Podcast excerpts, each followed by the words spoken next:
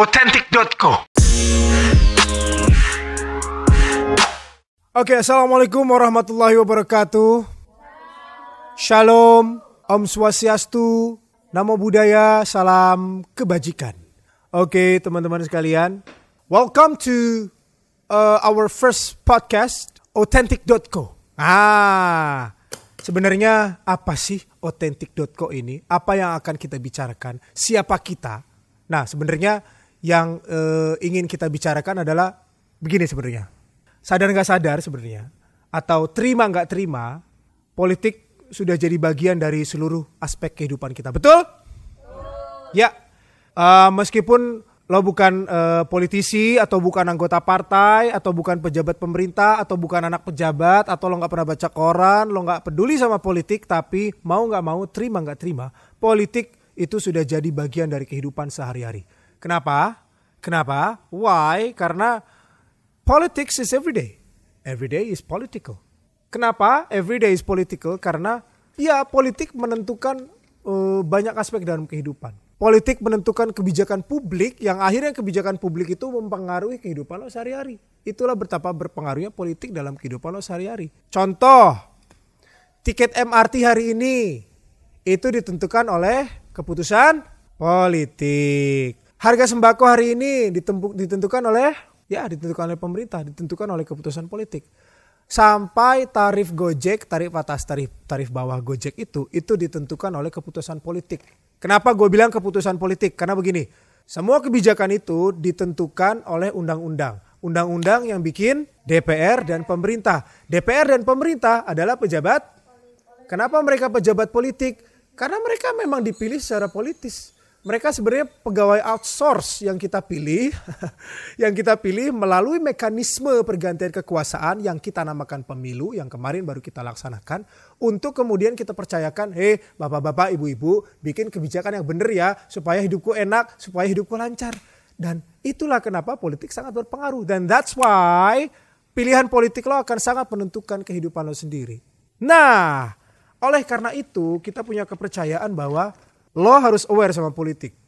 Kenapa? Karena politik menentukan hidup lo. Politik berpengaruh pada hidupmu. Bukan hanya hidupmu tapi orang lain dan mempengaruhi uh, uh, orang lain di sekitarmu dan mempengaruhi masyarakat. Itulah penting banget uh, untuk kita menjadikan politik sebenarnya bahasan sehari-hari. Nah, sayangnya memang hal ini nggak terjadi karena sering kali bahasan politik itu apa ya kelihatan berat banget, bukan bukan obrolan sehari-hari. Nah, oleh karena itu di sini di otentik kita hadir sebenarnya untuk menyederhanakan pembahasan tentang politik supaya bisa diterima jadi percakapan sehari-hari dan menyenangkan. Otentik percaya kalau politik yang seribet apa pun bisa kita sederhanakan dan nyambung banget sama uh, kegiatan sehari-hari kita. So, stay tune authentic.co karena kita akan membicarakan banyak hal dan jangan lupa untuk uh, subscribe podcast kita kemudian untuk follow Instagram kita dan ikuti terus info-info menariknya uh, bersama saya host yang baru memulai karirnya bernama Bagus Ade Saputra.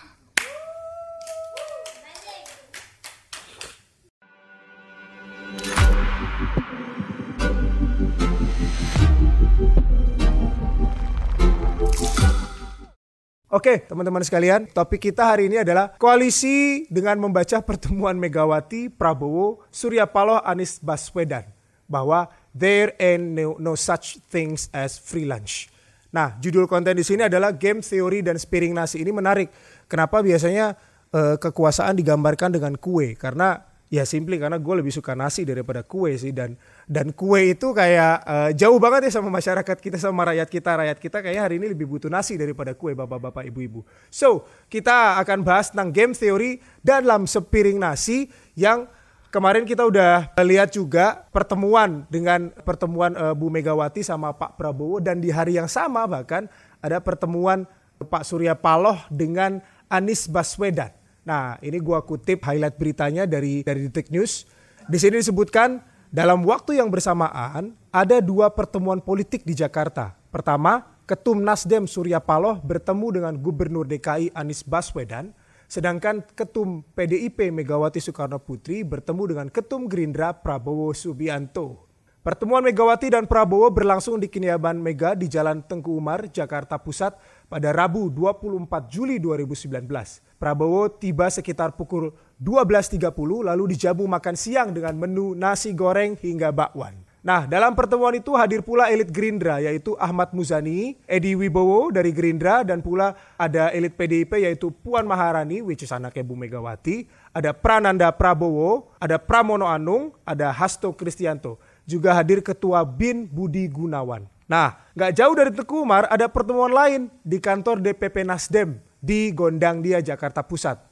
Anies Baswedan mendatangi kantor tersebut pada pukul 11.50 untuk bertemu dengan Surya Paloh. Selesai pertemuan, Surya Paloh tidak menutup kemungkinan Nasdem akan mendukung Anies untuk memimpin Indonesia pada 2024 ia pun mengembalikan hal itu kepada Anies. Nasdem menurutnya akan siap mendukung Anies. So, ini sebenarnya teman-teman pertemuan yang sangat menarik karena kita kalau melihat sejarah hubungan antara keduanya ini ini sangat uh, sangat dinamis sekali. Kita mungkin ingat pertama hubungan Megawati sama Prabowo. Nih, 2009, Megawati dan Prabowo mencalonkan diri sebagai calon presiden dan wakil presiden yang dikenal dengan julukan Mega Pro di perjanjian batu tulis di Jakarta.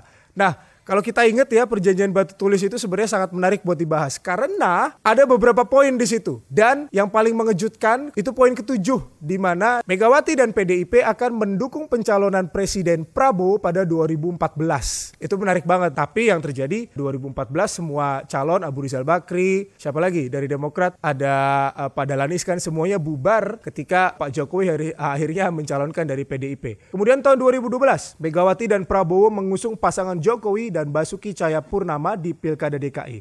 Tahun 2014, Jokowi diusung Megawati untuk mencalonkan diri di pemilihan presiden melawan Prabowo, which is temannya sendiri. Hal ini dianggap melanggar perjanjian batu tulis. Tahun 2014, Anies Baswedan menjadi salah satu menteri yang ditunjuk oleh Jokowi, Menteri Pendidikan dan Kebudayaan, dan Nasdem merupakan salah satu partai koalisi pemerintah. Kemudian tahun 2017, Anies Sandi yang diukung oleh Prabowo memenangkan Basuki Cahayapurnama dan Jarot yang diusung Megawati. Tahun 2019, Jokowi kembali mengalahkan Prabowo dalam Pilpres. Kemudian tahun 2019 juga ada isu Gerindra akan masuk ke koalisi pemerintahan. Dan tahun 2019 Nasdem menyatakan dukungan Anies Baswedan di Pilpres 2014. Oke, apa yang kita bisa maknai sebenarnya dari pertemuan ini? Pertama, ada sebuah quotes yang menarik dari seorang ilmuwan politik namanya Harold Laswell. He's from the United States. Dia bilang, politics is who gets what, when, and how. Sebenarnya politik pada dasarnya adalah tentang siapa, mendapatkan apa, kapan, dan bagaimana. Intinya adalah bagaimana kekuasaan itu dibagi-bagikan. Nah, di sini kita akan lihat manuver-manuver yang dilakukan oleh tokoh-tokoh politik ini menggunakan game theory. Nah, apa sih game theory itu? Hmm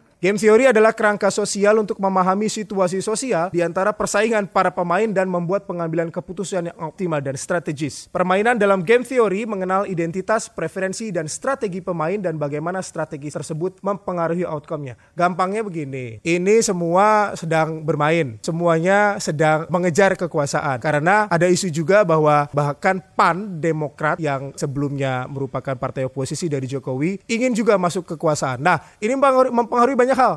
Pertama, mempengaruhi partai-partai koalisi yang sebelumnya sudah ada di Jokowi sehingga harus terus semakin merapatkan barisan. Bagaimana caranya kekuasaan mereka tidak berkurang di dalam. Dan yang kedua adalah bagaimana manuver yang dilakukan oleh partai-partai oposisi di luar koalisi 01 untuk uh, membisikkan kepada Jokowi akhirnya untuk bagi-bagi kekuasaan. Nah, oke, okay, pertama kita bahas dulu hubungan sebenarnya Megawati dengan Prabowo yang sebenarnya sudah berjalan sangat lama bah bahkan sebelum mereka lahir karena hubungan mereka ini sudah dibangun sebenarnya dari tahun 50-an. Kalau kita tahu Prabowo itu anaknya dari Sumitro Kusumo, Megawati adalah anak dari Soekarno. Mereka ini adalah dua tokoh politik yang pada tahun 50-an sebenarnya berseberangan. Bahkan tahun 50-an itu Mitro memilih untuk keluar dan ikut dalam PRRI Permesta di Sumatera. Akhirnya beliau kembali lagi ke Jakarta setelah Soekarno Soekarno lengser dan digantikan oleh Soeharto. Kemudian hubungannya berlanjut lagi di perjanjian Batu Tulis, kemudian berlanjut sama-sama mendukung Jokowi untuk maju di Jakarta, kemudian berantem lagi gara-gara kasus penistaan agama Ahok, kemudian akhirnya pada 2019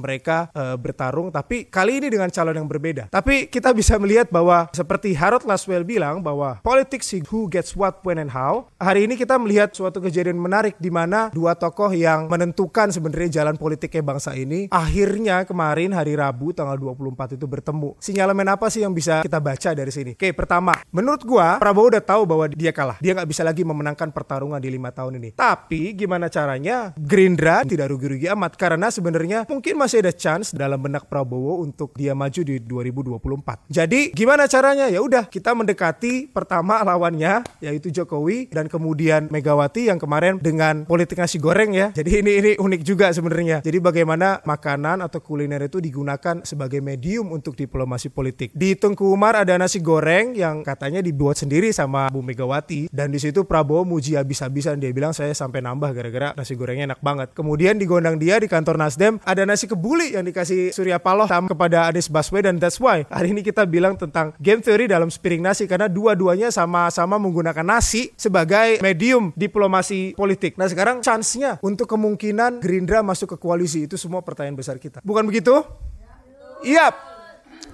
Kalau menurut gua, gue lihat sebenarnya Prabowo sama Megawati sahabat lama yang nggak bisa terpisahkan oleh apa pun. Apalagi 2009 mereka maju Mega Pro. Sebenarnya secara visi kalau kita lihat ya, Gerindra sama PDI mirip-mirip. Keduanya fasih dalam bicara Soekarno, bahkan kemarin selama kampanye kita melihat betul bagaimana Prabowo itu melukiskan dirinya atau menggambarkan dirinya sebagai penerus Soekarno sebenarnya. Jadi sebenarnya secara ideologis, secara visi mereka berdua memang dari dulu nggak musuhan sebenarnya. Karena sama-sama marhaen, sama-sama memperjuangkan ide-idenya Soekarno tentang kesejahteraan rakyat, kedaulatan dalam berpolitik, kemandirian ekonomi, berdikari. Itu semua sebenarnya ide-ide Soekarno yang kemudian dipakai lagi oleh Prabowo. Kalau akhirnya Megawati Megawati sama Prabowo ketemu lagi, gue nggak kaget sebenarnya karena memang mereka teman lama. Tapi kemudian yang menarik adalah apakah Gerindra dan Prabowo akhirnya berani betul-betul untuk masuk ke dalam koalisi secara penuh dengan konsekuensi meninggalkan para pendukungnya yang kemarin sudah gila-gilaan mendukung mereka. Gue nggak ngerti ya hitung-hitungannya dari mana, tapi katanya 411 berapa juta? Wah serem deh pokoknya jumlahnya sekian juta. Pokoknya ada ada orang ngumpul dikit di parkiran minimal jumlahnya sejuta gitu. Dua dua dua ada 13 juta. Pokoknya minimal juta-jutaan dan itu berhasil dikumpulkan oleh oleh Prabowo sebenarnya. Tapi biar bagaimanapun PA 212 sudah membuat ijtima ulama yang akhirnya mendukung Prabowo dan Sandi ya kan. Kalau kita bicara game theory, ada yang harus dikorbankan ada harga yang harus dibayar tuh untuk membayar sepiring nasi gorengnya Ibu Megawati itu. Harganya adalah apakah Prabowo siap untuk meninggalkan atau ditinggalkan oleh pendukung-pendukungnya yang kemarin sudah gila-gilaan dukung dia. Karena kemarin aja kalau kita lihat medsos nggak usah jauh-jauh ya. Di hari Prabowo ketemu Jokowi di stasiun MRT, lo cek di official Instagram Gerindra sama ketua umumnya tuh aku ah, lupa lagi nama siapa itu dibully abis-abisan Gerindra di situ dibilang Prabowo bahkan dibilang sebagai pengkhianat bangsa karena sudah deket-deket sama Jokowi nah ini kan kan aneh orang kok nggak paham gitu loh. Orang kok kayak naif banget bahwa politik itu sedinamis itu bahwa ketika lo dukung satu calon kemudian dia kalah ya dia akan akan selamatkan partainya itu karena biar bagaimanapun begitulah politik berjalan gitu loh. Jadi kadang-kadang aneh kalau ngelihat orang dukung orang gila-gilaan habis itu mereka rekonsiliasi terus mereka kebakaran jenggot sendiri ya. Terus kepentingan yang diperjuangkan sebenarnya apa? Bahkan semalam kalau ada yang nonton ILC di TV One, semalam ada Habib Hasan Haikal bilang bahwa ah Haikal Hasan bahwa ulama dan para pendukung dan PA 212 benar-benar menelan pil pahit sebenarnya dari keputusan Prabowo ini sampai akhirnya dia bilang bahwa ulama adalah oposisi. Kalau bukan oposisi berarti bukan ulama dan PA 212 akan tetap berada di posisi oposisi Jokowi atau Prabowo presidennya. Jadi kalau Prabowo pun jadi presiden mereka akan jadi oposisi. Nah sebenarnya gue nggak tahu apakah itu nanti menjadi perhitungan politik Prabowo ke depan bahwa lossnya akan cukup besar sebenarnya kalau dia sampai sampai berani secara full masuk ke dalam koalisi. Memang sangat ada kemungkinan bagi Gerindra untuk masuk ke koalisi, bahkan mendapatkan kursi di kabinet. Itu sangat mungkin. Kalau kita cermati lagi bahasa tubuh atau bahasa politiknya Ibu Megawati ketika kemarin ketemu itu kan udah jelas. Ibu Megawati bilang begini, Ya kalau saya mau antarkan sampai Pak Jokowi ya boleh. Tapi saya rasa bisalah ngontak-ngontak sendiri pasti diterima. Lah itu kan udah jelas sebenarnya bahwa Megawati merestui kalaupun Gerindra masuk ke dalam koalisinya Jokowi. Tapi sekarang pilihannya ada di Prabowo sendiri sebagai penentu keputusan apakah dia akan masuk ke dalam atau tidak. Tapi kalau kita lihat sebenarnya bagi-bagi kekuasaan itu tidak sesempit 38 kursi menteri di kabinet. Kita masih punya lembaga negara, lembaga tinggi negara. Ada pimpinan DPR yang sekarang jumlahnya ditambah jadi 7 kalau nggak salah ya, karena direvisi. Jadi pimpinan DPR sekarang 7, bukan 5. Terus kemudian ada pimpinan MPR, 5 partai juga. Eh 5 apa 7 gue lupa. Ada 7 partai. Kemudian selain daripada itu yang lebih menarik adalah ada kursi direksi komisaris di BUMN yang jumlahnya 100 lebih. Jadi sebenarnya bagi-bagi kekuasaan itu bukan cuma dilihat menterinya siapa, menterinya dari partai apa, tapi bagi-bagi kekuasaan itu sangat luas. Ada lagi pejabat di kepala staf presidenan itu di luar tuh, di luar dari 38 kursi menteri. Nah, di sini gue punya data yang sangat menarik sebenarnya. Kalau kita lihat kabinet kerja Jokowi ketika dia membangun kabinetnya tahun 2014, ada lima partai tergabung di situ. Ada PD Perjuangan, Nasdem, PKB, Hanura dan P3. Kursi yang diperebutkan ada 38, yaitu 34 kursi untuk Menko dan Menteri, satu kursi untuk Kepala KSP yang sekarang dijabat sama Pak Muldoko, satu kursi untuk Kepala BPKM. BPKM itu Badan Koordinasi Penanaman Modal. Kemudian ada satu kursi untuk Kepala Bekraf yang sekarang dijabat sama Pak Triawan Munaf ya. Kemudian ini nih, satu kursi juga yang sangat menentukan dan strategis posisinya, yaitu kursi untuk Jaksa Agung yang sekarang dipegang oleh Bapak HM Prasetyo yang merupakan kader dari Nasdem. Gua udah minta tim riset gua, cia, untuk membuat tabel presentase sebenarnya. Berdasarkan 38 posisi yang diperbutkan pada tahun 2014, ini menarik nih setiap partai punya persentase yang menarik. Begini, PDIP itu jumlah kursinya 2014 itu ada 109. Presentasi kursinya 19% di DPR. Kemudian presentasi kursi menteri yang didapatkan di kabinet Jokowi adalah 11%. Nah, yang menarik adalah persentase kursi yang didapatkan oleh PKB dan Nasdem. PKB itu mendapatkan 47 kursi pada pemilu legislatif 2014. Kalau kita konversi menjadi persentase itu cuma 8%. Tapi dengan hanya modal 8%, dia bisa mendapatkan 8%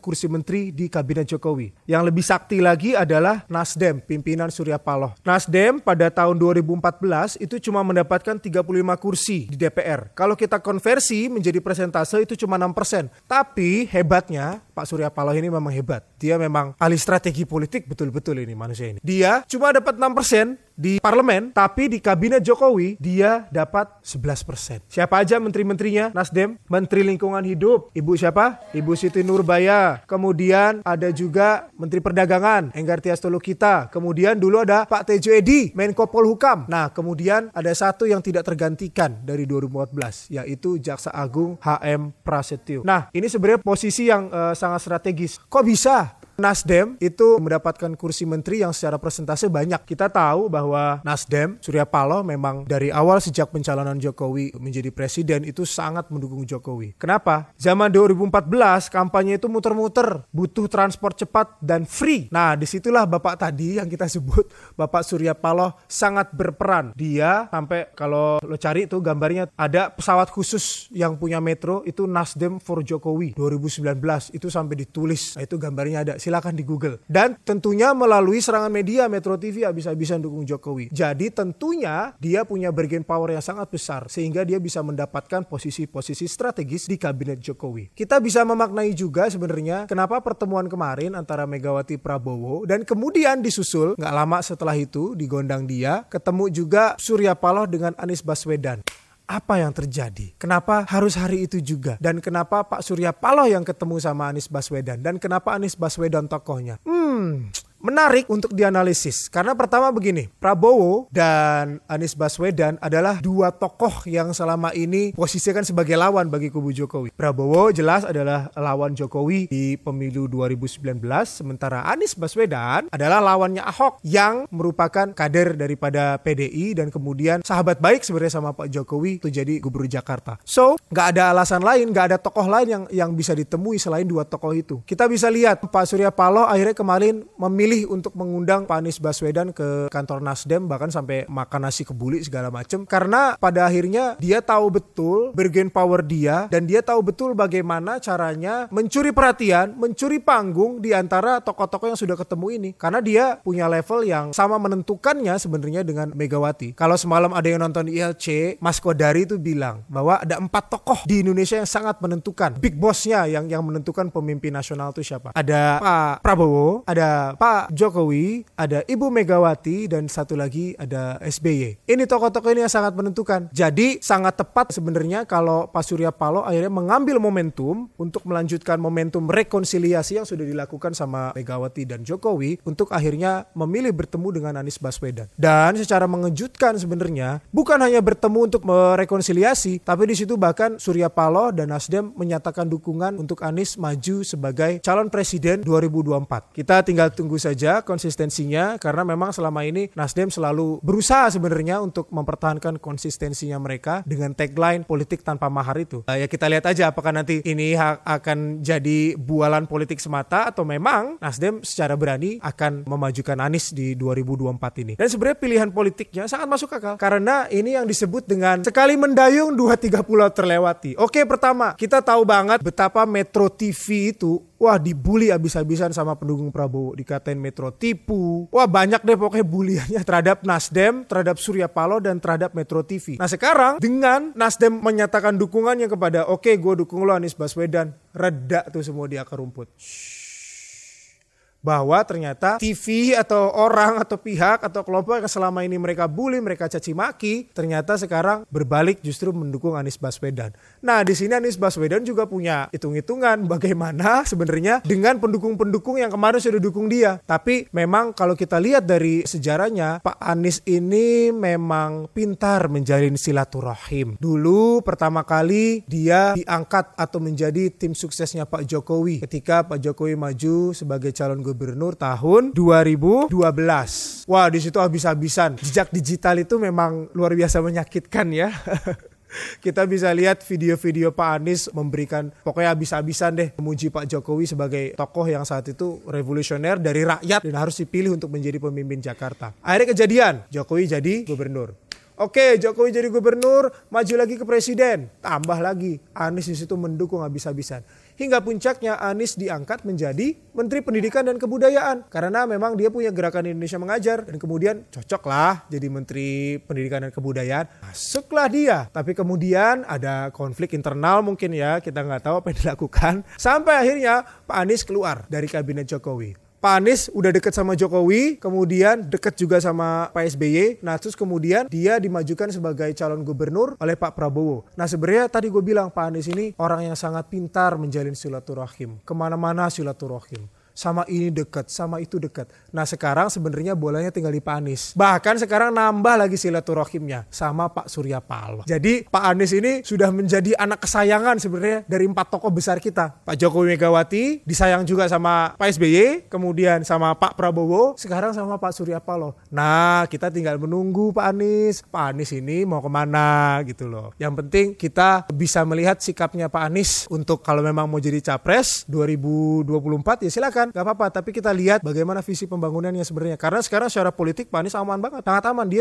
dekat sama empat tokoh ini. Nah, tinggal bagaimana perhitungan politiknya untuk sampai nanti memilih dia akan mengendarai partai yang mana. Nah, bagi Nasdem ini sangat bagus sekali, deal yang sangat bagus. Karena apa? Bayangkan ketika nanti 2024 Nasdem sudah dikenal sebagai pendukung Jokowi. Dia punya basis masa pendukung Jokowi. Kemudian sekarang ditambah dengan basis masa pendukung Anies. Nah, kalau itu kejadian, siapa lawannya nanti 2024 yang bisa mengalahkan dukungan politik sebesar itu. Pak Anies juga punya dilema sebenarnya karena dia belum tahu Prabowo 2024 akan nyalon lagi apa enggak. Kalau sampai Prabowo masih mau nyalon lagi, nah kita lihat nyalinya. Apakah dia berani melangkahi kepalanya Pak Prabowo untuk akhirnya dia beradu dengan Prabowo. Tapi firasatku mengatakan bahwa Pak Anies tampaknya masih legowo untuk membiarkan Pak Prabowo kalau memang Pak Prabowo masih maju 2024 Pak. Tapi kalau enggak, ya mungkin memang calon kuatnya adalah Pak Anies Baswedan ini. Mungkin nanti kalau Pak Prabowo nyalon 2024 Pak Anies akan lebih bersabar mungkin 2028 dia baru akan nyalon lagi karena agak takut kali ya untuk bersaing melawan bapaknya sendiri kira-kira begitu. Nah, selain itu ada juga nih satu orang calon yang berpotensi sebenarnya maju di 2024. Ada yang tahu siapa? Oh enggak, RK masih belum itu. Secara politik masih belum. Ada yang kuat banget. Itu dia, Mbak Puan Maharani. Bisa jadi ada deal tersendiri di balik pertemuan Megawati dan Prabowo. Karena kalau aku jadi ibu, kan kira-kira gini, tentu aku ingin anakku melanjutkan perjuanganku. Bukan begitu, ibu-ibu?